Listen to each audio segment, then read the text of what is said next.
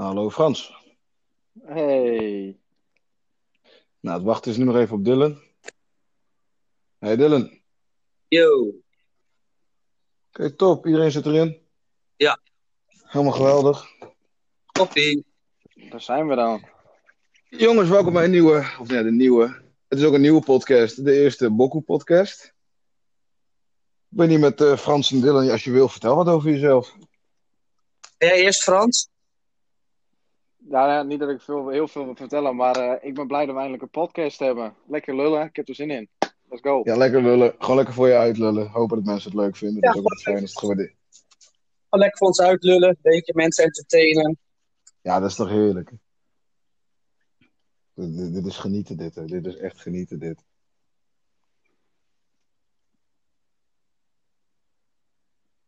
Fijn dat het ook gewoon zo stilvalt. Ja, ja, nou, ja, ja, ja, weet ik veel. Ik, ik denk die komt eindelijk met een, eh, met een onderwerp, maar eh, ja. We kunnen het altijd over onderwerp. Zullen we het even over muziek hebben anders? Wat we vinden van, nou ja, niet, niet specifiek de Nederlandse muziek, maar gewoon een beetje het algemeen. Waar, waar, eh, waar muziek heen is op het moment, of hoe, hoe moet ik het zien? Ja, gewoon, ja, weet je, het onderwerp muziek kan je natuurlijk heel breed pakken. Van, ja, wat vinden we van, laat ik beginnen met, eh, even kijken, als, ja, ik denk dat hip-hop bij ons alle drie wel een beetje het standaard genre is wat we luisteren. Tussen bij jou dan en bij mij. Ik weet niet hoe het bij Dylan zit. Dylan, heb jij een ander genre waar je naar luistert? Naast hip-hop of rap?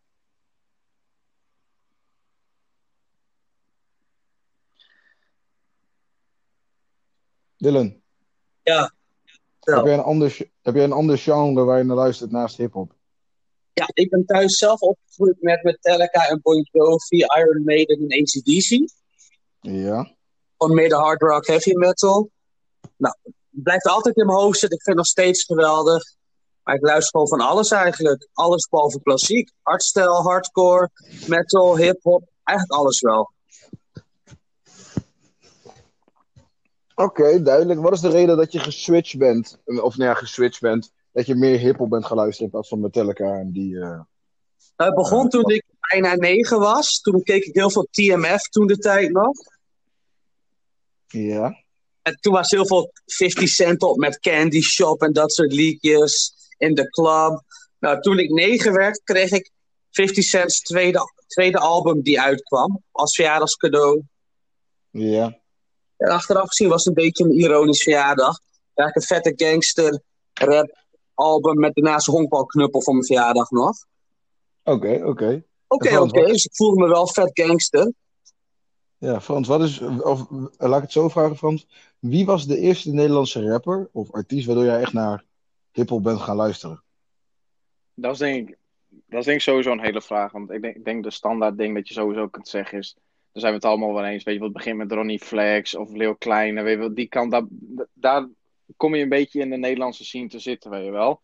Maar als we het dan echt af- over de artiest hebben waar ik echt eh, in hip-hop ben begonnen, zeg maar. Dan zou ik echt zeggen. ehm, oef, hoe heet hij nog maar? Help me, even, help me even denken, want ik heb vorige keer een nummer van hem gezegd dat ik echt al niet meer luisterde. Een van die nummers was Oh. Shevchenko. Hoe heet hij nou? Ehm, ja. Maar dan, dan, omdat ik nou die naam toch niet weet, dan kun je ook wel zeggen Hef. Een beetje die kant op. Want ik begon in die tijd ook wel, een beetje de andere kant op te gaan. En ik denk dat ik echt hip-hop ben geluisterd toen ik denk 13, 14 was. En eh, toen kwam ik een beetje in die lifestyle, weet je wel. Dus dan, Hef was echt maar, zeg maar, zeg maar mijn begin. En van daaruit ben ik heel veel hip-hop gaan luisteren op een gegeven moment. En dat is een, eh, dat is een beetje een kleine obsessie geworden. Weet je wel, van, eh, van afgezien wat ik eerder altijd luisterde, zeg maar. Ja, precies.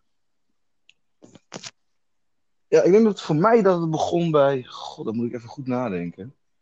Dat is al een hele tijd geleden, dit. Ja, Ehm, maar dit, dit vroeg ik me ook inderdaad af. Want ik, ik weet dat je fan bent van hip-hop. Maar ik vroeg me altijd af: luisterde je dat eerder ook altijd al? Of was het eerst anders?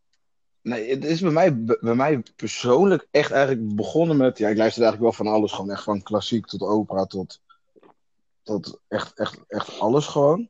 Mhm. En ik kan me zo eens even niet meer specifiek herinneren waar het begon. Maar ik heb vroeger, wat is het? Een Mokromaniac, een Hef, een Atje, een. eh, zeg een Freddy Kroeks, een eh, jeugd van tegenwoordig. Dus echt, echt heel breed, niet specifiek één, eh, één sound qua rap dan, om het dan zo te noemen. Nee, precies. Ja, oké. Ik heb eigenlijk alles, ik heb alles denk- wel een beetje gehad eigenlijk. Ik, ik denk dat sowieso qua, qua die, die genre, weet je wel, dat we echt, dat de meeste mensen denk ik een beetje in hip-hop kwamen, was ook wel denk ik door Hef, Atje en al een beetje die artiestenkant op, weet je wel, daar begon het echt. Ja, nu, precies. ja, nu, nu ik er zo over nadenk. Ik denk trouwens, wat ik me kan herinneren, is dat ik ooit begon met eh Wiz Khalifa te luisteren. Mhm. En ja, dat ik toen ja. Ooit een keer een, een Campy tegenkwam. En dat ik toen die albums van Campy ben gaan luisteren. Dat ik me toen besefte van, hé. Hey, want ik vond Nederlandse hip vond ik vroeger echt verschrikkelijk. Ik vond, ik vond het... Ja, maar daarom, daarom inderdaad heb je ook wel gelijk. Want als ik, als ik Wiz Khalifa hoor, dan denk ik, ja, dat, dat was eerder dan ook wel de insteek. Weet je wel, dat je echt... Toen, toen begon mijn kant echt de, de eh, Amerikaanse rapgame een beetje naartoe te gaan, weet je wel. En dat begon dan Ja, met Wiz Khalifa. Ja, ik denk dat... Ja, en toen ben ik een beetje overgestapt naar, een- naar een Campy. Een, een, een keizer die toen een beetje net opkoming was. Een, een- god, wie heb je toen nog meer? Lange Frans was toen redelijk actief. Een, Maar als we, als we voor die tijd gaan kijken van, van Hef en zo, om het zo maar even te zeggen, weet je wel. Dan, als, Ja. als je die namen nog eens een keer hoort, The Opposites, of weet je wel, die jeugd Ja. van tegenwoordig dat je zei. Dat was, toen, dat was toen de muziek, daar kon je nog wel echt naar luisteren. Want die hebben, denk ik, op de dag van vandaag nog steeds best wel goede muziek. ja, zeker waar. Ik kan het nog steeds luisteren, maar als je echt over de echte hip-hop van nu begint, dan is het wel echt begonnen met Hef, vind ik. Ja, ik denk dat, dat, dat Hef ook een. Hef kwam toen met een sound die er nog niet was in Nederland. En daardoor werd het ook zo interessant. Ja, precies. Eerder was het een beetje makkelijk, weet je wel, al fun en games en daarover hebben. Maar hij kwam toen ook echt met, eh dan weet ik nog wel, volgens mij was dat die sessie uit 2013. Dat hij echt eh, heel emotioneel eh, in zo'n eh, sessie kwam, weet je wel. Ja, klopt. En dat, dat is denk ik voor heel veel mensen nog niet terecht geweest, weet je wel. Want eerder was het al fun en games en weet je wel, we zijn de jeugd en bla bla. Maar hij vertelde hem ook echt een verhaal, weet je wel, hoe zijn leven dan is van zijn kant. Ja, en ik denk dat dat ook wel voor, voor de Nederlandse hip-hop scene interessant geweest is om te beseffen. Kijk, bijvoorbeeld, nou, iedereen kent, ik denk, nou, 90% van de jongeren kent 101 Bars wel. Ja. dat is zo naam. Ja. En ik zat laatst eens die podcast te luisteren van Hef, Atje, Rotjoch, Jo Silvio, en zo. En daar zei Rotjoch ook in van, je kan veel zeggen, maar er is niemand in Nederland die artiesten zo'n kans heeft gegeven als die ik gedaan heb. Dat is ook zeker waar. En als je ook kijkt naar wat Rotjoch voor sommige artiesten gedaan heeft. Bijvoorbeeld neem een, een, een Leeuw Kleine, die kwam bij 101 toen die, hoe oud was die? 15 of zo? Ik, ik, ik weet niet hoe oud Ja, vroeg, vroeg, dat weet ik in ieder geval wel. Hij kwam als een van de jongste sessies in 2012, was dat volgens mij in de megasessie. Daar zou vast geen 15 zijn, hij was jong in ieder geval. Ik denk dat hij een van de, een van de jongste was. En als je nu kijkt waar Leeuw Kleine nu is en waar hij toen was. Ik bedoel, toen was hij ook hard, maar toen kwam hij echt nog met, met de raptekst. En ik heb het idee dat het nu met 9 van de 10 rappers vooral commercieel goed moet zijn. En ik denk dat een Hef daarom heel erg uitblinkt, omdat Hef, eh, net als Mokromaniac, gewoon zichzelf blijft. En niet meegaat met de hype van wat wat is. Van oké, dit is nu aan, maar ik wil dit maken. Dus ik blijf dit gewoon doen omdat ik het leuk vind. Maar inderdaad, wat je zegt, alles begint een beetje commercieel te worden. Je, wel. je moet, eh, daadwerkelijk moeten je teksten zo gehanteerd zijn, om het zo even te zeggen, dat je, dan weet je wel dat het eh, beluisterd kan worden via de radio. Want anders, Ja. als, je, als je echt naar gaat kijken naar eh, een nummer waar Hef bijvoorbeeld heel hard in komt en waar die echt scheldwoorden in gebruikt, dat zal nooit op de Nederlandse radio komen. Dat gebeurt gewoon niet. Ja, neem maar- als dat voorbeeld, dat, dat gedoe met Boef. Weet je wel, dat, dat hij toen iets over kerst had gezegd of weet ik veel. Ja, Of dat dan- hij toen iets had gezegd in een, in een, in een Ja. video of in een vlog of op Instagram of ik weet niet meer precies wat het drama was. maar en dat heel- dan ook in de pop. Ja, Want in pop kunnen ze het gewoon letterlijk, eh, als je dan kijkt naar The Weeknd, die had ook bepaalde nummers die je denkt van, ja, als je het echt meer op seks wil laten lijken, dan doe je het inderdaad heel goed. Maar Ja, dat, maar dat ja. wordt dan wel gedraaid. Maar wat ik me dan afvraag, is het dan van, want kijk, nu, nu je het daarover hebt van zo, oké, ze schuiven het af op rap, maar dat is met drillmuziek. Dat ze zeggen van die steekincidenten komen door dat genre muziek. Enigszins zit er een kern misschien van waarheid in, maar er wordt niet in de nummers gezegd van ja, eh, ga met messen over straat. Die mensen die dat rappen, ik zeg niet dat iedereen het is, hè. De meeste mensen die het rappen leven dat leven of hebben het geleefd. En die, ik denk dat je negen van die tien jongens of vrouwen kan navragen dat ze er niet trots op zijn. Maar dat dat voor hun de enige manier was, omdat het zo is. Wil je, Ja, echt mijn, precies, ja. wil je daar echt mijn mening in Ja, ik ben benieuwd. Laat je me geef je mening. Ik vind, als we, als we dan echt gaan kijken, dan ga ik even een, een, een band erbij halen. Dat is dan wel echt een rockkant op. Dat is dan praat je over eh, eh, Rage Against the Machine. Ja, Dat, was, dat was ook zeg maar een van de, een, een van de, weet je wel, het is niet de enige, maar een van de eh, eh, rockbands die kwam met rap. Die gooide Ja, teksten klopt. erin, zeg maar. Het was rap, maar het, het is in, in rock uitgebracht, weet je wel. Dus er zit geen hip-hop beat onder en noem het maar op. nee, klopt. Die nummers waren ook heel hard hoor, want die nummers waren gericht op de overheid. Dus ook, weet Ja. je wel, eh, in een van de nummers werd het dan ook gezegd van eh, fuck you, I don't do what you tell me, weet je wel. Ja, Maar als we dan daarna gaan kijken, dat was echt volledig gericht op de overheid. Dus eigenlijk, de overheid kan de kleren krijgen. Daar kwam het op neer. En op een gegeven moment, het, het is wel, eh, zeg maar, opgepakt in... eh, nou ja, het werd, het werd echt een genre voor mensen. En mensen begonnen ernaar te luisteren en vonden het geweldig. En het trok zalen en noem het maar op. Maar dat had ook Ja. een insteek kunnen zijn voor mensen om de overheid het lastig te gaan maken. Om ook rare dingen te gaan doen tegen de overheid in. Maar dan snap ik niet waarom je dan hip-hop per se maar eruit moet halen. Want hè, dat spoort je aan om te steken. Want als ik zelf luister naar rock. Dan denk ik, daar kun je ook flink agressief van worden als je wil. ja ik denk dat het bij, bij hip-hop een soort van eh, makkelijk is om, daar, om het daarop af te schuiven. Omdat er toch een bepaald. Er is altijd een bepaalde beeld geweest naar hip-hop toe. Ja, qua En dan niet specifiek alleen. Ja, qua de persoon, niet alleen de tijd van nu, maar dat ze heel veel zeggen van ja, het zijn criminelen die dan gaan rappen omdat ze toch niks anders of niks beters kunnen, bla bla bla. En dan denk ik, ja, oké, ik snap het principe, ik snap wat de, wat de, zeg, de overheid ermee bedoelt. Maar het is net als met, met, met eh, eh, hoe heet dat? bijvoorbeeld met religie of met eh, cultuur. Je kan niet één bepaalde groepering over één kam scheren. Niet elke artiest zou iets rappen waar die 100% achter staat. Of wat echt waar is. Of, weet je, snap wat ik bedoel? Nee, maar da- daarom ook inderdaad. Want waarom, waarom zou je dan precies de hip-hop game eruit halen om wegens wat voor personen ze zijn? Maar als ik kijk naar sommige mensen, dan is het niet eens over rock, als ik het daarover zou hebben. Maar ook als je kijkt naar eh, popmuziek, noem het maar op in die richting. Die mensen zijn ook vaag hoor.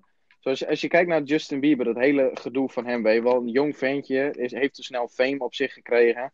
Dus werd een heel gauw arrogant ventje. Ja. Ja, waarom, ja. waarom kan zo'n persoon ermee wegkomen en waarom een hip-hopper niet? Ja, en ik denk, maar dat, dat, dat zeg ik dan als, als, eh, als donker persoon. Ik ben ervan overtuigd dat zeg, gekleurde artiesten, niet specifiek in Nederland, maar kijk in Amerika, dat ze daar misschien een soort van eigenlijk al het idee hebben dat ze 1-0 achter staan, ondanks dat dat het misschien niet zo is.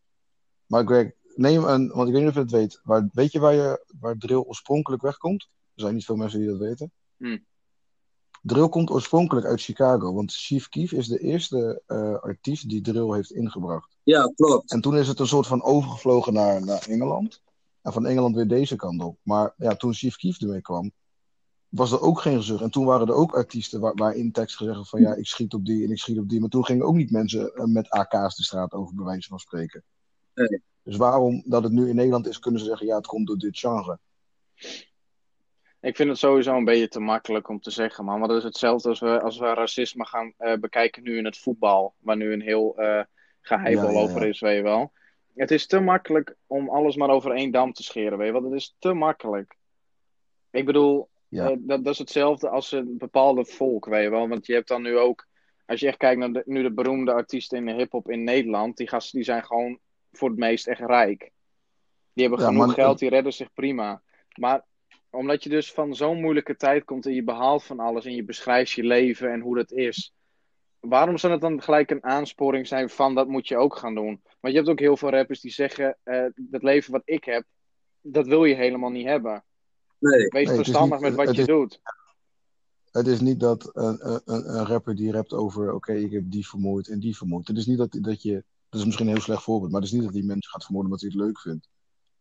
Bijvoorbeeld, jij weet van mij, ik luister heel veel naar een Polo G en die zegt ook in teksten, en dan zal ik het even in het Nederlands eh, quoten van, ehm, de, de politie schiet een van ons neer, ze lachen ons uit, nu nemen wij er een van, nu nemen wij er een van hun en nu huilen zij. Weet je wel, dat het een soort van oog om oog, tand in tand situatie is. En hij zegt ook van, rap is voor, eh, is voor mij de, de manier geweest om mij uit de, ja, een soort van uit, uit de ghetto te halen. Mhm. Hij zei van als dit niet gebeurd was, was ik waarschijnlijk ook of dood geweest. Maar ja, in, in dat opzicht is het altijd al wel een gevecht geweest tussen eh, die en die, zeg maar. Want ik bedoel, kijk maar naar dat hele eh, gebeuren dat je met Lil Kleine hebt gehad. Weet je wel, dat hij de middelvinger... eh zei, zei dat iedereen de middelvinger moest opsteken naar, naar die agenten, weet je wel. Ja, ja, naar politie en Maar, justitie. maar, dan, maar dan vraag ik mij af, wanneer is het voor mensen een show en wanneer niet? Ja, maar kijk, ook is? Kijk, het, het is ook van, oké, hij is een invloedrijk persoon, dus bla bla bla, dit en dat. En hij zegt, ja, politievinger, dan middelvinger en justitie. Maar hij heeft volgens mij gewoon, ja, ik weet niet meer precies hoe zijn uitspraak was. Hij had het toen onderbouwd in een interview bij De Wereld Draait Door, volgens mij, dat hij toen nog met die burgemeester heeft gebeld. Nee, nee, dat Die- was, eh, dat was bij RTL Late Night was dat. Oh, RTL, ja, dat was het. Ja. In ieder geval dat hij toen nog met die busten meegeeft, dat hij, weet ik veel, dat ze toen hadden gezegd van, ja, je bent ver- verbannen van onze staat, bla bla bla.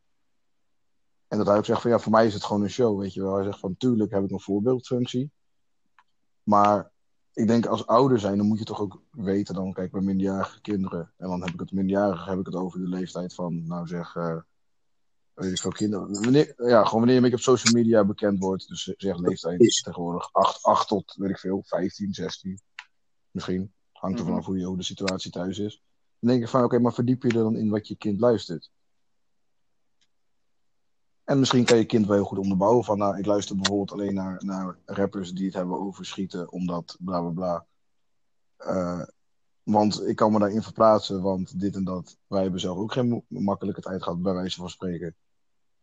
Muziek is ook gewoon gemaakt om, om vaak eh, eh, of, of lol om te trappen of dat het echt je een verhaal vertelt, weet je wel, dat het je raakt of zo. Maar Ja, dat is hetzelfde als wat ik net zei over dat hele gebeuren van Leo Kleine. Want als ik dan kijk weer naar wat ik eerder zei over Rage Against the Machine. eh, dat Ja. hele nummer werd onderbouwd dus over de overheid. En dan zeiden ze dat ook. Iedereen moest de middelvinger opsteken en dan eh, de tekst schreeuwen, zeg maar. Dat was dan een show. Maar daarom vraag ik me af, wanneer is het dan geen show meer? Ik bedoel, want je, je staat op een podium, dus je weet het is een show. Maar dat is hetzelfde als je kijkt naar cabaret. Die kunnen ook alles grof schelden en doen wat ze willen. Alleen dan weten mensen dat het een show is. Maar dan vraag ik me af, wanneer komt het moment dat een hiphopper er ook mee wegkomt als een show? ja, dan wordt het ook al. Maar daar, doen ze ook al moeilijker over. Want ik weet dat Kevin Hart een tijdje geleden gezeik had gehad. Omdat hij ooit in een show een, grap over, een bepaalde grap over homo's had gemaakt of zo. En dat zijn agency toen gezegd heeft van ja, we willen dat je daar publiekelijk je excuses voor aanbiedt, want dit en dat. En dan zeg ik van ja, oké, je weet deze man is cabaret en hij bedoelt dat als grap. En hij heeft daarna ook gezegd van ja, sommige van mijn beste vrienden zijn homo. Maar dan denk ik ja, wanneer mag je nog iets zeggen en wanneer niet? Er is vrijheid van meningsuiting in Nederland. Maar als je je mening geeft, is het, is het goed. Nee, maar dat bedoel ik al. Als je, als je één keer begint te schelden met homo, dan ben je ook gewoon gelijk een homo-hater. Terwijl ik dan soms ook wel eens denk, ja, maar ik ken ook heel veel mensen die zijn homo en daar heb ik niks op tegen. Ik, ik heb er inderdaad gewoon niks op tegen. Dat is net zoals Mongolen. Ik zeg ook wel eens tegen mensen, een Mongool of wat dan ook. Maar ik heb mijn eigen ouders die werken met Mongolen. Simpel zat. Dus dan ben ik toch geen Mongolen-hater of wel? Alleen omdat ik het zeg. Nee, dat, dat, maar dat is denk ik een eeuwige discussie die door blijft gaan. Om even terug te gaan naar het discriminatiedingetje wat jij zegt op de voetbal. Ik, ik, kijk, ik, als, ja, ik ben er niet, ik geloof niet dat discriminatie ooit zal stoppen. Omdat het er altijd Nee. geweest is. Dat is niet iets. Het is heel goed wat ze allemaal voor doen om alles tegen te gaan. Maar ik geloof niet dat het ooit de wereld uit zal gaan. Nee, Dat is niet realistisch. Dat is iets dat blijft altijd wel hangen. blijft altijd hangen.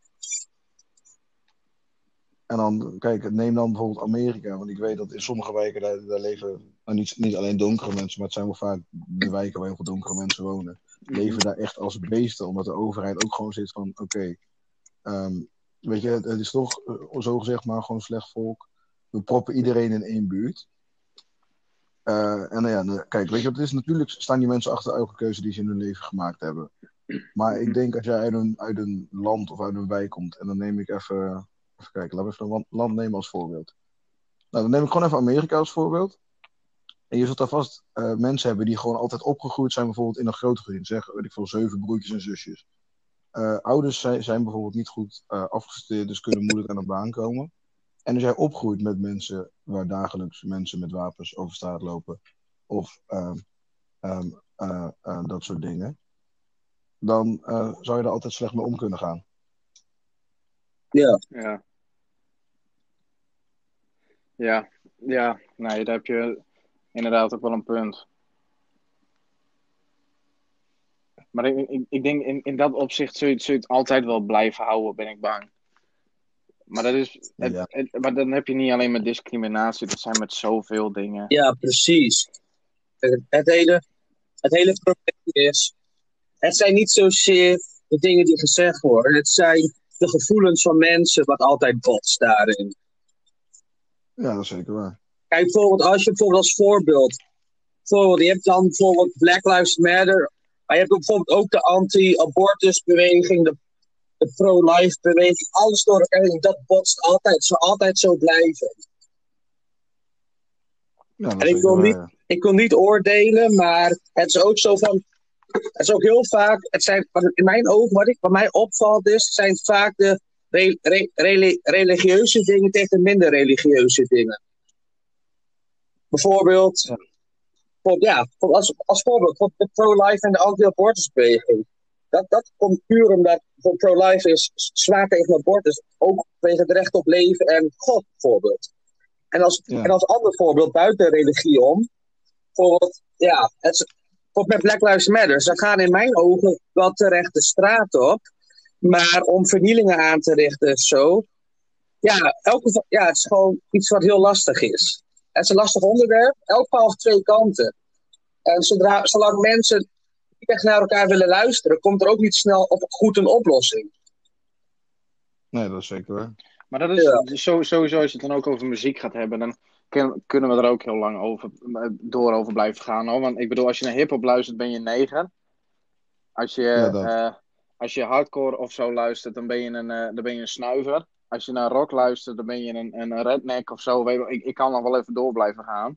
Precies. Maar dat is, ik vind ook muziek bepaalt ook niet hoe je bent of zo. La- laat me dat duidelijk zijn. Want ik bedoel, als ik, als ik naar Dylan kijk, dat hij dat hij zegt dat hij met rock echt is opgegroeid, zeg maar. Dat, ik heb dezelfde eh, opvoeding een beetje gehad, zeg maar, door mijn vader. Maar dan, dan kan ik ook zeggen, ik luister op de dag vandaag nog steeds. Ik luister alles. Wat op dat moment wat goed bij me voelt, dat luister ik. Maar daarom ook als je hip-hop luistert, moet je nog niet over één dam worden gezet. Of ges- weet je wel. Het, het gaat er gewoon om, wat doet muziek zelf met je? Want op het moment dat je rock luistert, heb je misschien gewoon eventjes eh, het idee dat je wil schreeuwen. Dus ga je rock maar luisteren, want die mensen schreeuwen al voor je. Weet je wel? Ja, en, en, en hip-hop wordt misschien bepaalde teksten ingegooid. Dat je eruit wil gooien, maar niet kan. Want dan word je weer als zo'n eentje eh, neergezet, weet je wel. Dus laat je het, de muziek maar doen. Weet je wel, want dit denk ik op het moment, zo voel ik me op het moment. Precies. Ja, want neem bijvoorbeeld een. Kijk, nou ja, wij. Ik, ik, ik, ik luister al langere tijd naar Lil Peep en jij bent daar sinds, wat is het, twee jaar mee begonnen, denk ik, Frans, zoiets?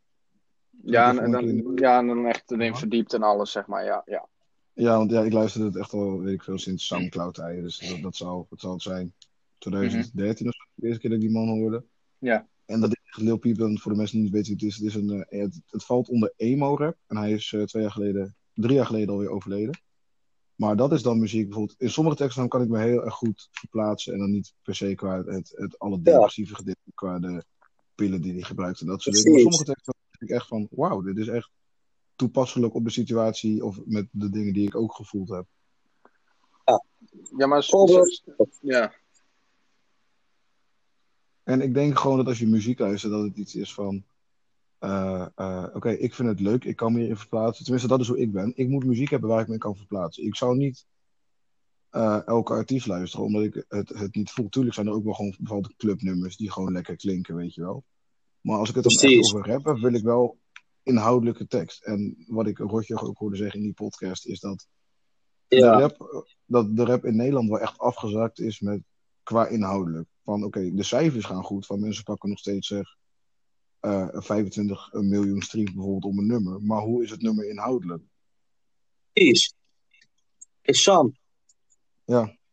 Even teruggaan op alles over één kam scheren met, met alle oordelen over muzieksmaak. Kijk, dat is zo jammer, want elke muziek heeft een eigen, elk muziekgenre heeft een eigen cultuur. Ja. En elke cultuur zit ook mooi, zit allemaal mooie dingen in. Kijk, maar elke cultuur heeft ook zijn mindere dingen. Met, altijd met alles blijft alles, heeft zijn mooie dingen en mindere dingen. Bijvoorbeeld, kijk naar hip-hop. Het- Ze Het is bijvoorbeeld. Ze vertellen over een cultuur wat ze vaak hebben meegemaakt. En heel veel mensen denken gelijk het is slecht. Maar als hip-hop voor hun reden is dat ze nu succes hebben, dat, is, dat gun ik ze alleen maar toe. En wat ik vaak merk bij rappers, zij doen alles voor hun community. Ja, dat is wel zo, ja. Zeg je? Ja, dat, ik zeg, dat is echt zo, ja. Precies, Dat net is voor- eh, met- Ken je Kid Rock bijvoorbeeld? Ja, tuurlijk. Nou, Kid Rock is een beetje zo'n. ehm, heel veel mensen vinden het redneck muziek. Maar daar is ook, er zit ook een heel mooie cultuur in. Hetzelfde geldt voor. Ook voor hardstyle. Voor alles zit een mooie cultuur in. Maar ook alles heeft zijn mindere kanten. En dat lijkt met alles zo. Dus het is gewoon. en ja, eigenlijk kan iedereen wat van elkaar leren. Niemand is ooit uitgeleerd. In welke genre, welke sector je werkt of wat voor muziek luistert. Nergens ben je uitgeleerd. Nee, en dat is denk ik ook zo van. Ik weet niet of jullie nog kunnen re- herinneren toen een. Even kijken. Want ik had het de laatste gesprek over met iemand. Zeg een, Jason Trill, die kwam ook in één keer uit het niets, weet je wel. Ja. Maar hij ging, in het begin ging hij super hard. Maar dat kwam omdat hij een sound had die er niet was in Nederland. Dus is het echt gewoon heel origineel. Ja. We hadden eigenlijk van alles hadden we wat. Kijk, bijvoorbeeld Mokromaniac heeft ook echt compleet zijn eigen sound. En Jason Trill die kwam in één keer met, met adlibs waarvan Nederland dacht van... Zo kan je, dit kan je ook toepassen in muziek. En ik denk dat omdat het compleet wat anders was en het was er nog niet, dat hij zo hard gegaan is. Net als een Snelle. Snelle was een beetje de rapper die afgelopen jaar, of nee, afgelopen jaar 2019 dan, in één keer uit het niets kwam. En ook gewoon hard gegaan is, omdat hij ook weer met een, met een soort van aparte sound kwam. Ja. Weet je, maar dat, dat, als ik dan ook een vraag mag stellen naar jou. eh, naar mij of naar Dylan? naar, naar jou dan, Samuel. En Ja. ook naar Dylan misschien, dat maakt ook niet uit. Het is voor iedereen wel.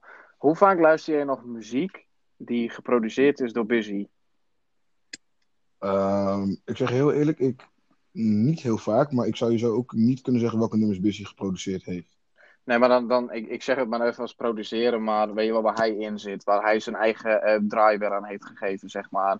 Als je de, de, Ja, de, de ja. echte, de echte standaard Busy muziek, zeg maar. Ja, niet Ja. Dus als het toevallig een keer voorbij komt op de radio, als ik al radio luister. Laat me heel eerlijk zijn, als ik het hoor, dan heb ik weer het gevoel alsof ik weer jaren terug weer ben. Ja, ja, ik snap wat je bedoelt. Ah, want dat- Ja. we, hebben, we hebben het al zo vaak gehoord. En dat, dat is het op een gegeven moment ook. Je hebt bijvoorbeeld ook iemand die in Nederland eh, nog steeds echt ondergewaardeerd is, is Fresco nog steeds. Ja, Maar die, maar die vertelt ook bepaalde verhalen. Maar dan heb ik ook dat je eh, sommige eh, zwarte rappers uit Amerika, die vertellen ook echt in hun rap van hoe zij hebben moeten leven. Weet je wel, in een kluitje met z'n allen in dezelfde straat. Met, met echt wel 50 man in een klein ukkepukstraatje, zeg maar. En daar groeide je dan op met, met vechtbuien en eh, eh, ruzie tussen andere straten en al dat soort dingen. Precies. En dan, en dan krijg je ook weer het gezeik, weet je wel, een zwarte rapper vertelt me alleen maar over dit.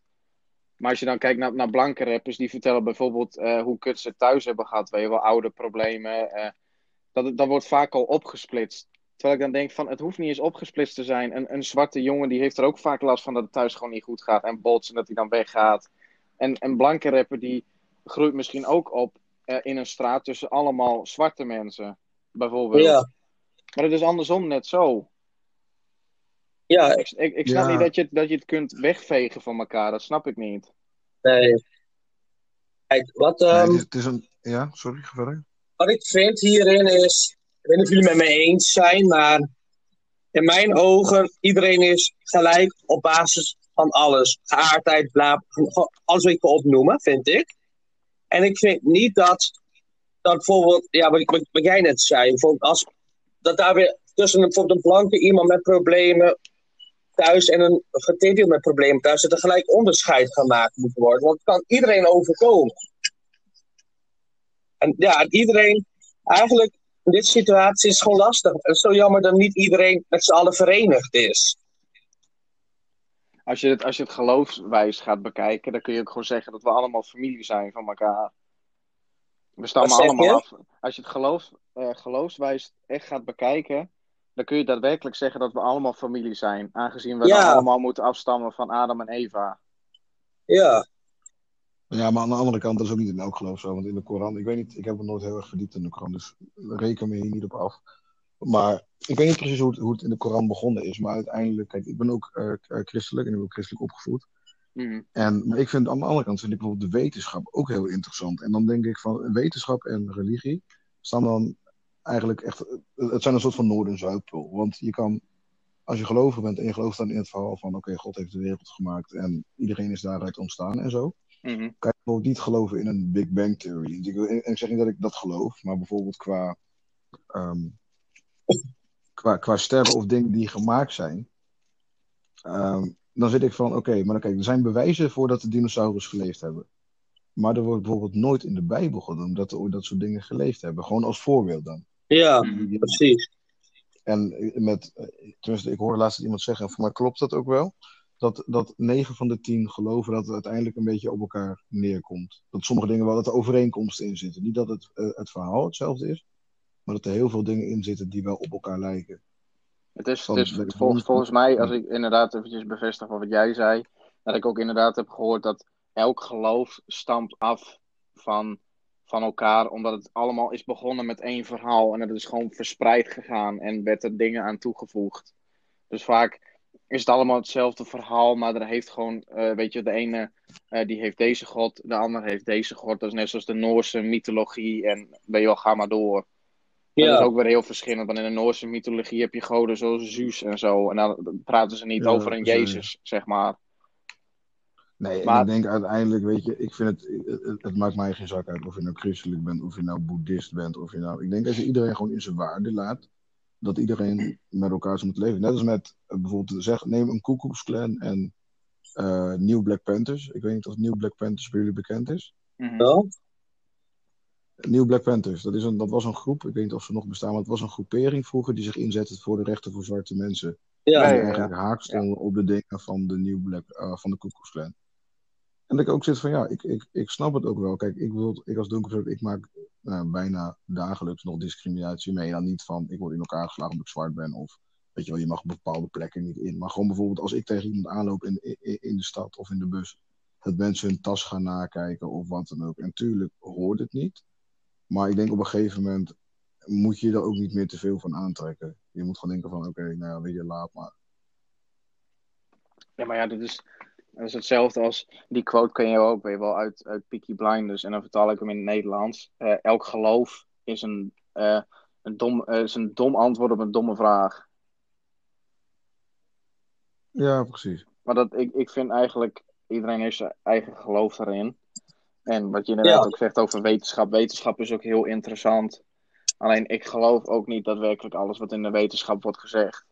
Ik, ik ben, Nee, precies, ik, ik dat ben, is het ook. ik ben vooral, als, ik, als we het over depressie een beetje hebben, zeg maar, dan ben ik ook een beetje gaan hangen tussen wat is nou waar en wat is nou niet waar. Maar dan ga je wetenschap vergelijken met geloof.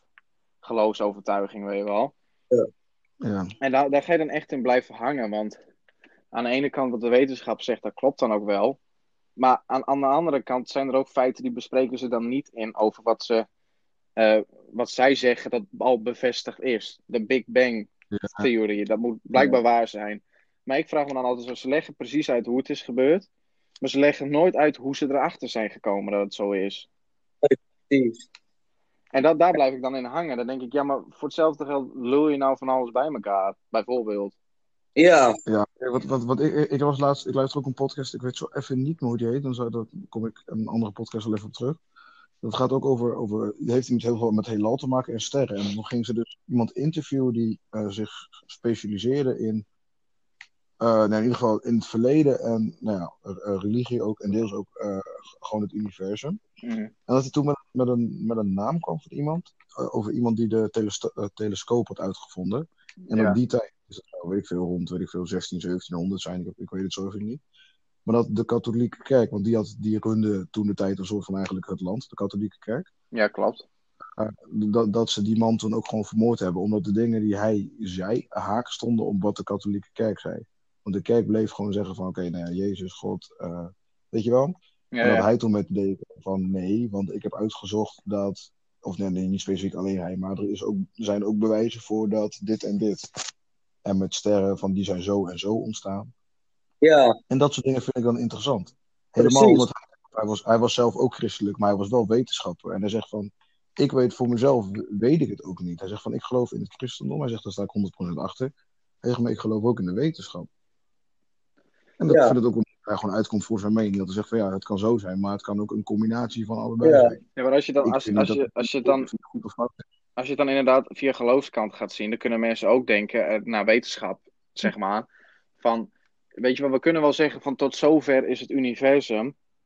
Maar wie zegt ook dat, eh, dat hemel, om het zo maar even te zeggen, wat hiernamaals, dat het in dit Ja. universum moet zijn? Heb je daar wel eens Ja, stilgestaan aan, aan, die, aan die geloofskant? Weet je wel? Voor hetzelfde gaat denken, ja prima dat het universum zo lang is, oneindig. Maar misschien zit Jezus daar ergens aan het einde.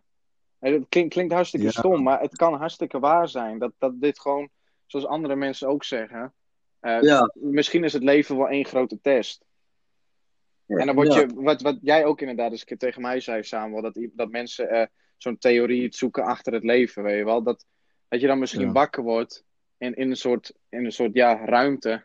En je wordt wakker Ja, en je staat op en ze zegt, ja, je bent wel geslaagd of niet geslaagd voor de test. Dit is het echte leven, nou begin het pas. Ja, maar dat, dat had ik weg. Ik weet even zo niet meer welke film. Dat was een, van een film in ieder geval. En voor de mensen die het niet weten. Eh, het scenario van die film was: je hebt gewoon alles wat je dus nu eh, geleefd hebt. Dus je hele familie, al je vrienden, alle dingen die je gedaan hebt, je werk, je, alles. Is, is gewoon niet echt. Eh, en het, ding is: je wordt op een gegeven moment word je wakker in een simulatie. En dan is het van: oké, weet je, je hebt gewoon het voltooid, het percentage gehaald wat je moest halen. Eh, en nu mag je echt beginnen met leven. En nou ja, Ja, ik, natuurlijk, ik, ik, ik, ik, ik geloof niet specifiek dat het zo zou zijn, maar het zou maar zo zijn. Dat stel je voor dat je doodgaat en dat je gewoon, dat als je hier doodgaat, dat je dan wakker wordt in die simulatie. En dat ze zeggen van oké, dit was eigenlijk een test. En dat je eigenlijk maar gewoon een kwartier lang bijvoorbeeld gewoon in, aan, aan kabels hebt gelegen. En dat het voor jou gewoon als een heel leven heeft gevo- eh, geduurd, bij wijze van spreken. Ja, Ja, maar dat, dat, dat zijn ook wel eens dingen, dat, weet je wel, daar denk je dan nog wel eens over na. Dat, dat je inderdaad ook zegt, het, het, het is misschien niet zo precies waar op zo'n manier. Alleen, er er zijn ook heel veel dingen inderdaad dat de we- wetenschap ook niet kan bewijzen. Ze hebben ook heel vaak Nee, dat, ze, dat twee stoffen wel kunnen uitleggen. Maar ze snappen dan zelf ook niet waarom als die twee stoffen elkaar aanraken, waarom er dan bijvoorbeeld een ontploffing zou komen. Dat weten ze Ja. zelf ook niet. Dat zijn gewoon twee stoffen die raken elkaar aan en dan komt er een ontploffing. Ja. Maar dat is hetzelfde als, als, dat legt iemand dan ook uit. Het is soms ook vaag. Je droomt, bijvoorbeeld. En ik weet niet of hier Mhm. een uitleg voor is. Hoor. Ik heb wel eens opgezocht, maar ik kon het niet vinden in ieder geval. Dat je droomt en je weet maar een paar dingen vanuit je droom. Maar de rest van de droom weet je niet meer. Nee. En soms weet je gewoon helemaal niks van je hele droom niet meer. Maar je weet wel dat je hebt gedroomd. Ja, ja. Waarom- wat ik heel vaak heb natuurlijk... Ja, sorry? Dan vraag ik me ook af, waarom gebeurt dat soort dingen dan wel? Maar dat is hetzelfde als, de wetenschap kan niet uitleggen wat hierna gebeurt, na dit leven. Het geloof legt het uit, maar die kan ook niet bevestigen dat het daadwerkelijk waar is. Mensen die, eh, dan heb ik mijn eigen eh, geloofsovertuiging, ik geloof in, geesten en al dat soort dingen, zeg maar. Eh, zelfs die mensen die met geesten zeggen dat ze kunnen praten, voor de mensen die het dan niet geloven, dan be- beleg ik het maar zo. Eh, Ja, ja. die kunnen ook niet uitleggen of de vraag stellen aan, aan een geest, zeg maar. eh, wat gebeurt er nou hierna? ja. Niemand, niemand daarover- van, van al die drie koppen kan uitleggen wat er nou gebeurt hierna. En ik vraag me dan, ook da- dan ga je alleen maar meer vragen krijgen. Van, is het eerste nou waar? Is het tweede nou waar? Of is het derde nou waar? Of is het van alle drie gewoon helemaal niks waar? Nee. Maar ja, dat is, dat, is, dat, dat is dan wel weer ironisch aan de mens. Wij moeten eh, altijd, pardon, hoor. wij moeten eigenlijk altijd een reden hebben om iets te geloven. Ik bedoel, als iemand jou iets vertelt, wil je toch weten dat het waar is? Snap je, snap ik dat, die zin bedoel? Ja. Maar als je dan kijkt naar bijvoorbeeld religie of eh, wetenschap, nemen wij aan wat, wat generaties lang verteld is. Maar stel je voor dat er nou ooit iemand zou zijn, stel je voor tijdreizen zou in één keer een ding zijn. En er zou iemand uit het jaar van, van het christendom dat het ontstaan is, gewoon hierheen komen en zeggen van ja, jongens, eigenlijk is het allemaal nep. Of met wetenschap van hé, hey, eigenlijk alles wat jullie weten over de wetenschap is niet wat het is. Hoe zou de mens eh, daarop reageren? Maar de- ik, denk, ik denk niet dat we daar ooit achter gaan komen. En misschien. Ik heb, ook wel. Ik heb, ik heb er ook wel eens eh, eh, over gehoord, over, over de doem van de mens. Is dat, Ja, ja, dat, is hetzelfde als je over de dood nagedenkt, te veel in blijft hangen. En dan gaat nadenken van, was, misschien is er wel helemaal niks hierna, helemaal niks. Je bestaat niet meer, eh, je behoort nergens meer toe, je bent er gewoon niet meer. Op het Ja, moment dat je daar te veel na, over na gaat denken, dan krijg je een buikpijngevoel. Weet je wel? Eh, Ja, dat, is het, laat maar. dat is hetzelfde als je naar planeten gaat kijken en dat ze dan zeggen over zoveel jaar is eh, de wereld er niet meer. Of als dit gebeurt of dat gebeurt, dan krijg je zo'n buikgevoel. Ja, Ja, En ze zeggen ook dat is de doem van de mens. Zodra wij te ver buiten ons aspect nadenken, krijgen we een kortsluiting, raken we in paniek. En dan ben je voor misschien zoveel minuten tot zoveel seconden in paniek. Daarna denk je er niet meer aan en er is niks aan de hand. die heb ik nu op dit moment ook. Dat is, dat is daadwerkelijk de doem van de mens. Wij kunnen niet denken tot ver buiten ons eh, weten, Nee. zeg maar. Dus er moet een wetenschapper echt vertellen van dit is het en zo is het. En dan pas kunnen we het rust geven. Dat is niet alleen zo met de dood, dat is met heel veel dingen zo. Ja, Er moet een, dat, dat is hetzelfde als, als geestenjagers dan. Weet je wel, wat jij ook vaak kijkt op tv, Samuel. Ja, ja. Eh, eh, in, in, in dat opzicht laten ze het altijd merken dat geesten heel kwaadaardig zijn, weet je wel. Van, oh, paniek, eh, geest praat terug, schokgolven, dingen vallen, geluiden, weet je wel. Maar Ja, dan ga je naar een, een, een medium toe en die laat ineens de, de goede kant zien, weet je wel. Die praat over wat er wordt gezegd, wat zij krijgt te horen van die geest en dan vertelt ze aan jou of het nou een familielid is of wat dan ook. En dat is dan ineens Ja. niet kwaadaardig. Nou, kijk, Dat- ik persoonlijk, ja. ik, geloof, ik, kijk, ik geloof dat er geesten zijn. Maar ik ben er niet van overtuigd dat, dat ja, ik weet niet, er is iets in mij wat gewoon zegt van, oké, ik weet niet, ik vind het iets te mooi klinken van, oké, er is iemand die me vertelt van, oké, deze geest zegt dit en dit en dit gaat nog gebeuren. Net, net als wat je vroeger had, bijvoorbeeld eh waarzegsters. En ik Mm. denk, als ik, dan, als ik het dan specifiek breek op waarzeg, dat dat soort mensen gewoon za- zaten van, oké, mensen in die tijd waren heel onzeker over het leven en dat soort dingen. Eh, we, we gaan gewoon iets creëren wat de markt nodig heeft. En dat is misschien een soort van uitgelopen. Maar dat is hoe ik er naar kijk. Ja. Maar dat komt omdat ik christelijk ben opgevoed. Ik, bedoel, ik geloof dat er geesten zijn. Mhm. En ik geloof dat er bijvoorbeeld een duivel is of een, een, een slechte kant. Maar ik, ja, ik weet niet. Dit, dit zijn echt discussies waar je echt jaren over kan praten. En Ja, maar daar- daarom, daarom vind ik ook, eh, als jij nou dit vertelt, zeg maar, en ik vertel dat, dan ga, ik, ga ik nou ook niet zitten van, eh, ja, maar ik vind dit, weet je wel, dat, dat maakt allemaal niet uit. Dat is jouw, eh, dat is jouw beleving van hoe jij het ziet. Ja, precies. en ik heb Mijn beleving en-. Eh, ik vind als je, als je ervan gaat veranderen, zeg maar, eh, daarom kijk ik bijvoorbeeld ook bijna geen wetenschap meer. Ik, ik, ik wil het er niet meer over hebben. Ik heb mijn eigen eh, ding nou in mezelf gepland. Van zo denk ik erover en zo blijf ik erover denken. Maar als je dan weer naar Mhm. wetenschap gaat kijken of naar wat anders, dan, dan word je op een gegeven moment draai je ook helemaal door. Want je denkt van ja, misschien is dat nou wel waar of niet waar. Het maakt niet uit. Als jij denkt dat dat zo is, dan is het zo. Klaar. Denk gewoon wat je zelf wilt denken. Weet je wel? Ja. Om even in te haken op, op wetenschap en even het, het, eh, het ding van religie af te gooien. Mhm. Complottheorieën. Ik, ik, ik, ik was laatst weer een podcast aan het luisteren, Recht van je Raap, van eh, Don en Emmeren. Mhm. En dan hadden ze het dus over, waar ik het ook met jou over had aan de telefoon eh, voor afgelopen week. Van wat als president Bush in één keer op zijn sterfbed zou zeggen van 9-11 was wel een inside job. Omdat dat ook nog steeds gedacht wordt, weet je wel. Van hoe zou de wereld reageren op, op bijvoorbeeld zoiets? Ja. van hey, Osama Bin Laden is helemaal niet dood of weet ik veel wat dan ook. Of dat de maanreis een en al onzin was. Ja, maar aan de ene kant, kijk, weet je wat het is? Wat ze zeggen van, oké, dat het, het, het moet waar zijn, want ze zijn op de maan geweest. Hm. Maar hoe ik het, tenminste hoe ik erover na zat te denken, en ik dacht hier gisteravond te denken aan of zo. Van oké, maar de technologie was toen helemaal niet zo goed zoals het nu is. Hoe kan het dan dat er in die. Hoe lang is het geleden dat ze naar de maan zijn geweest? 1969 stond de eerste man op de maan. Oh, nou dankjewel. In ieder geval toen. Hoe kan het dan dat er sinds toen niemand meer op de maan geweest is? Want de technologie moet veel beter zijn, dus ze zouden toch zo kunnen komen. Bij wijze van spreken. Want ze, kunnen, ze, willen, ze, ze, wi- ze willen ook naar Mars toe binnenkort. Daar is Elon Musk nu mee bezig. Ja. Maar ik vind het maar. Ja? Eh, ik vind het raar dat ze dan zeggen van oké, de maantheorie is nep. Wat ik aan de ene kant kan begrijpen, omdat er daarna nooit meer iemand geweest is. En dat ze dan komen met ja, CGI. Ze hebben gewoon nepvideo's gemaakt met computers en dat uh, gelivestreamd naar heel de wereld. Maar ja, stel je voor, eh, een oude president zou in één keer zeggen van ja, oké jongens, de maanlanding was wel gewoon echt nep. Hoe zou, hoe zou de wereld dan zitten van oké, maar hè? Hoezo? Dat is, Ja. om, om even een bevestiging te krijgen, Amerika was toch de, de eerste, eh, die daar terecht is gekomen. Amerika die heeft het plan gezet, wij willen op de maan stappen, toch? Nou, de, de Russen waren als eerste in de ruimte. De Amerikanen waren als eerste, hadden de eerste stap op de maan gezet. Ik denk, als dat gebeurt, dat sowieso Amerika, Ja. die krijgt een heel slecht beeld. Laten we het daarop houden. Ik denk niet, eh, de mensen die er aan de mede hebben geholpen, dat wordt denk ik nog niet zo erg. Maar ik denk Amerika wordt echt aangevallen op zo'n moment. Ja, Eh, dan, wordt, dan wordt NASA, dat, dat wordt een hele lastige eh, kwestie dan dat denk ik. wordt, heel, Dat- dat wordt heel ingewikkeld. Dat gaat heel ingewikkeld worden. En ik denk ook dat het daadwerkelijk zo hard opgevuurd wordt dat je op een gegeven moment NASA kunt schrappen van alles, denk ik. Ja, dat Eh, gewoon is van jongens, weet je, dit is het. Maar- eh, maar dat- NASA is niet meer. Maar dan vraag ik mij af, als mensen het niet geloven, weet je, in Rusland hebben ze ook een basis. En zijn ze ook heel vaak de ruimte in geweest.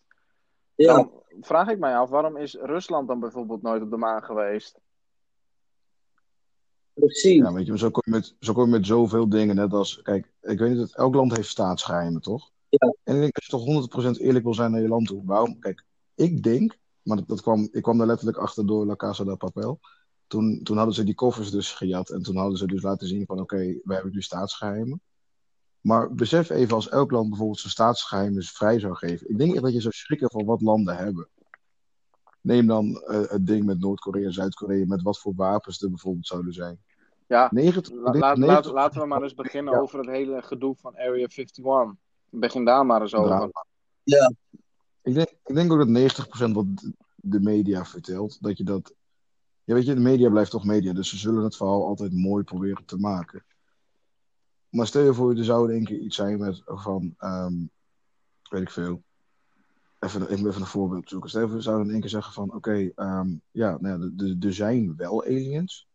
Maar dit en dat, we vonden dat jullie er nog niet klaar voor waren, dus hebben we niks gezegd. Dat zou bijvoorbeeld naar boven komen in zo'n staatsgeheim.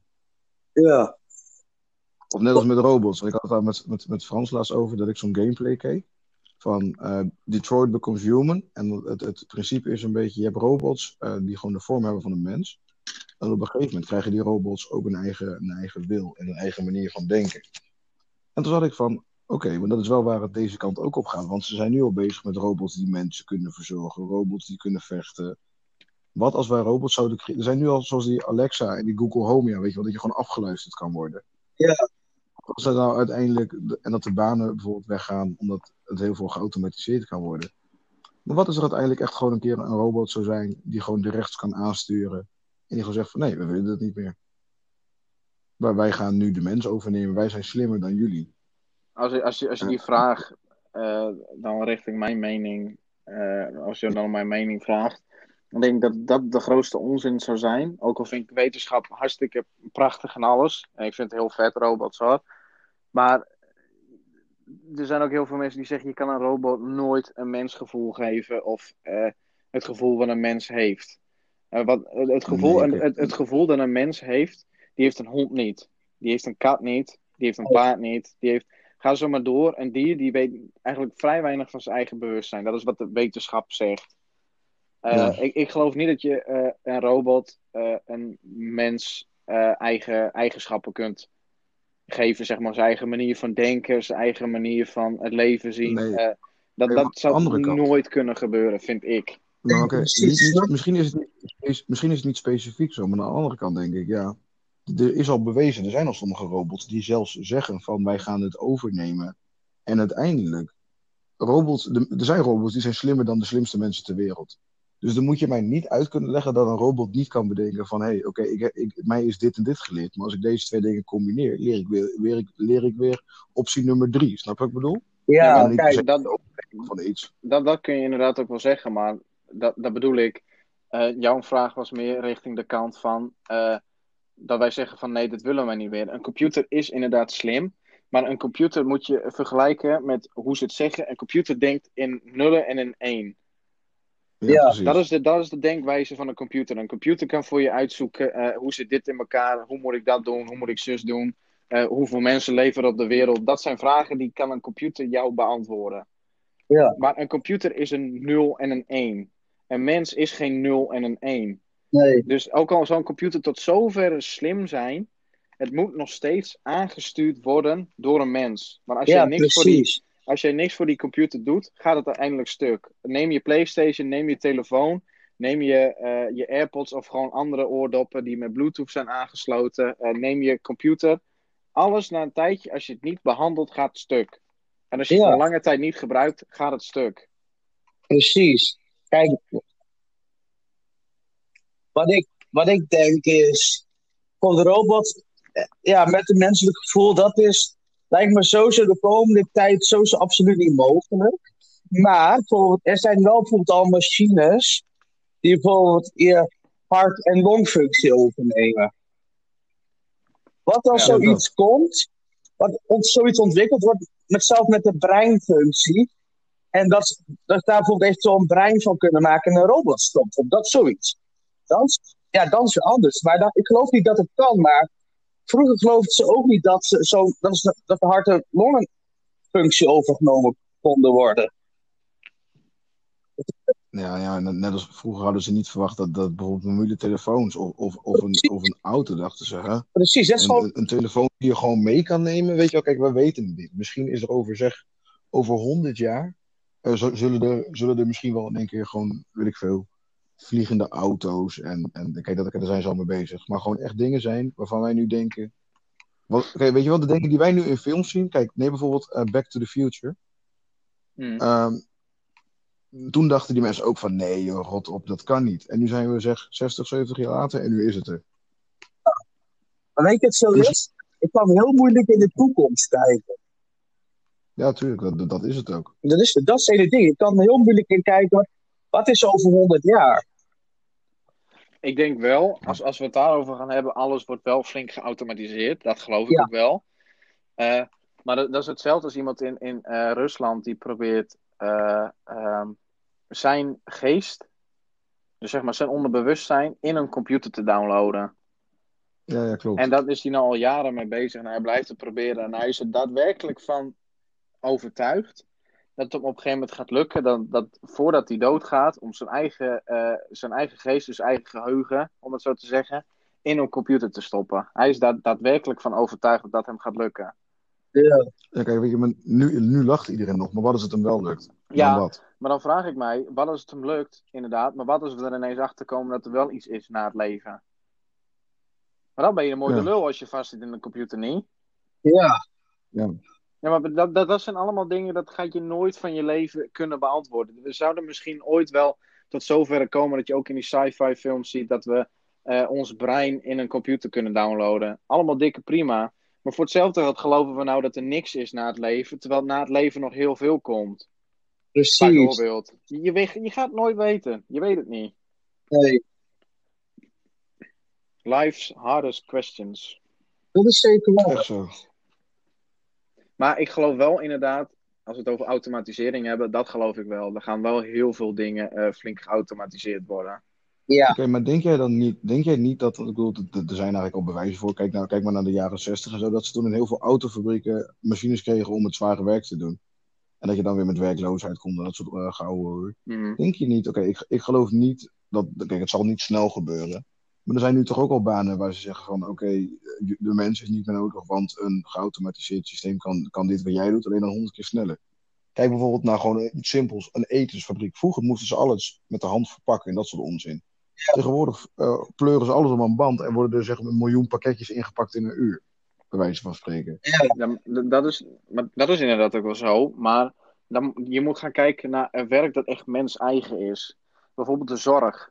Denk je dat werkelijk dat Ja, mensen ja- willen dat ze door een robot worden behandeld? Ik liever niet. Nou ja, maar aan de andere kant, weet je wat het is? Daar zijn ze al mee bezig. En 9 van de 10 dingen die ze nu met systemen doen, zoals je bloeddruk meten, deden ze vroeger ook eh, eh, eh, gewoon als mens. Snap je wat ik bedoel? En maar daar hoor je ook niemand over. Ja, maar dat kan wel zo zijn. Maar een robot die kan.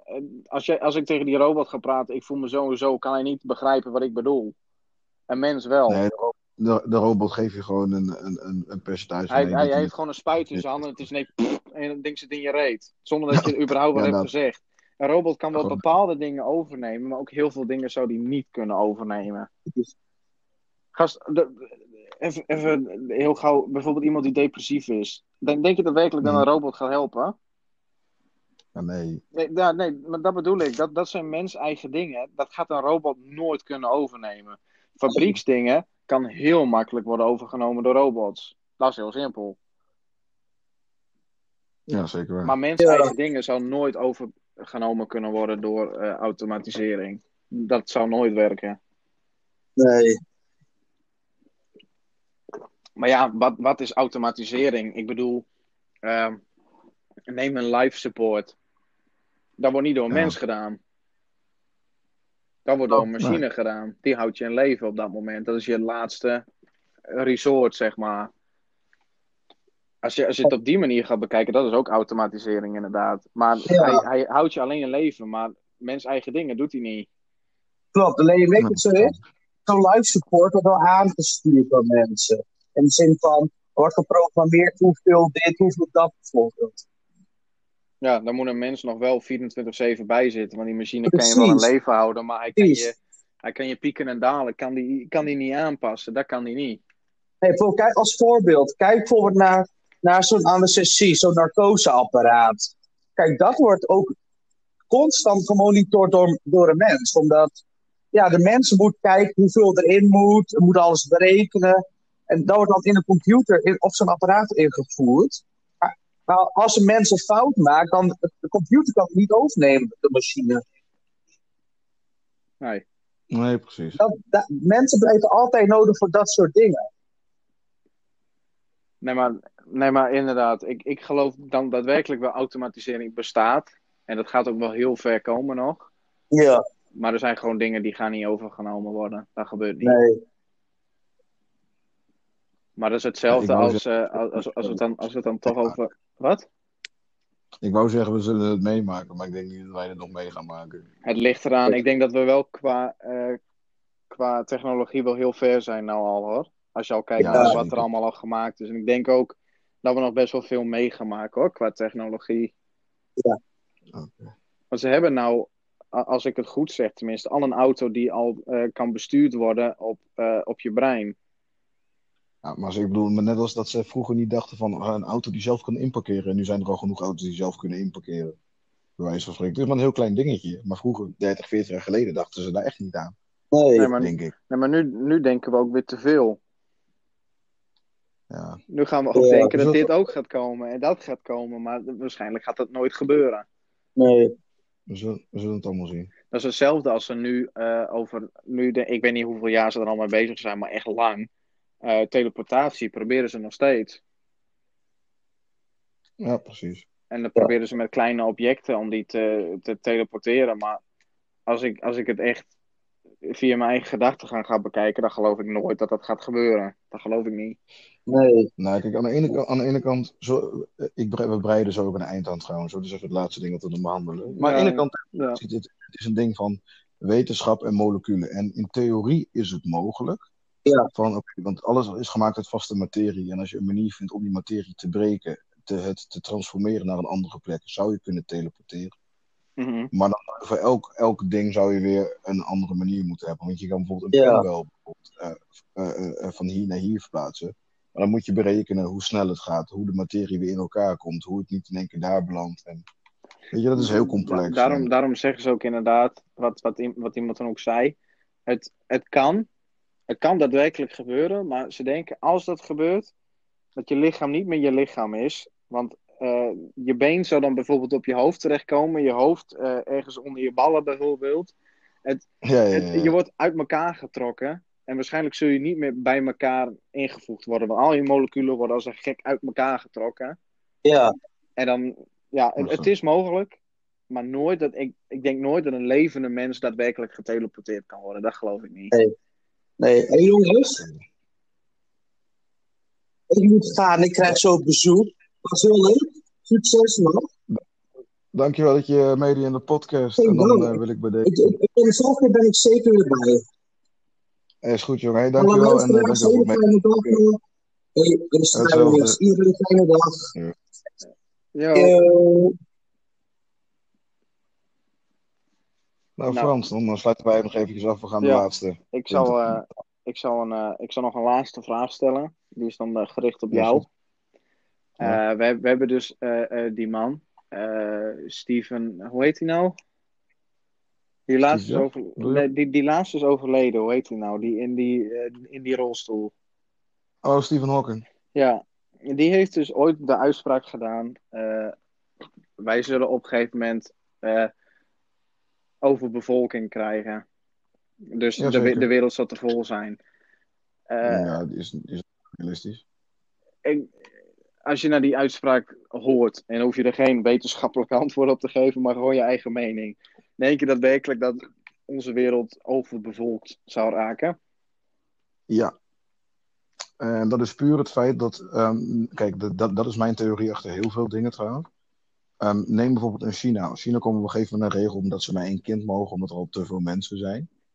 En net als bijvoorbeeld met het coronavirus. Ik persoonlijk denk dat het coronavirus gewoon gemaakt is eh, door de overheid om de overbevolking tegen te gaan, maar dat het een soort van uit de hand gelopen experiment is. Hm. Maar dat is hoe ik er naar kijk. Ik, ik- kijk. Want als je er goed naar kijkt, het zou helemaal niet raar zijn. Want het is wel raar dat het precies ontstaan is in het land waar de meeste mensen wonen. Waarom is het niet ontstaan op een, eh, in een Luxemburg bijvoorbeeld? Of in een, weet ik veel, in een Nederland? Ja. Maar ja, dat is ook even met heel veel dingen diep nadenken. Ach ja, ik, Maar hier, zit, eh, ja. sorry, hier, kunt, eh, hier kunnen we later wel een keer op terug, een terugkoppeling op doen. Nou ja, we hebben, we hebben genoeg onderwerpen gehad. Precies. Ik, eh, Ik, ik, ik- ik, ik la- ik laat de rest aan jou. Sluit dan af. Ik wil iedereen bedanken voor het luisteren naar de Bokkelcast. Frans, ik wil jou bedanken. Ik wil nog steeds Dylan bedanken, die is er al vandoor. Die kreeg nog bezoek. Ik zeg iedereen bedankt voor het luisteren en dan eh spreek ik jullie later weer. Ja, het was, het was fijn. Even lekker gebabbeld. Een uurtje. Even lekker gebabbeld. Eh, een uurtje voor ons uitgeluld. Nou, het moet, het moet ook niet langer dan een uurtje worden, maar dan word ik er ook moe van. Ja, precies. En we zullen hopen dat het eh, goed ontvangen wordt. En spreek ik je later. Dankjewel. Ja, jij ook, dankjewel. Hey, ja. Hoi, hoi.